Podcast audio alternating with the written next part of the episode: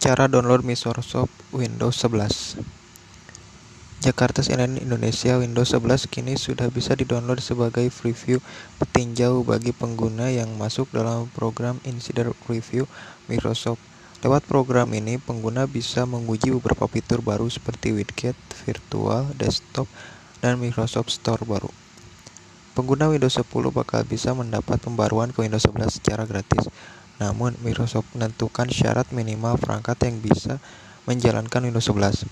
Untuk mengecek apakah perangkat pengguna memenuhi spesifikasi minimal Windows 11, dapat dilakukan dengan mengunduh aplikasi PC Health Check di situs Microsoft ini. Tetapi jika Anda membeli PC baru di antara waktu perilisan komputer itu disebut akan memenuhi syarat untuk upgrade gratis. Berikut beberapa cara untuk memperbarui ke Windows 11, tetapi sebelum Anda melakukan itu, perhatikan bahwa versi ini masih dalam pengembangan awal dan ada banyak bug yang dapat mempengaruhi perangkat Anda.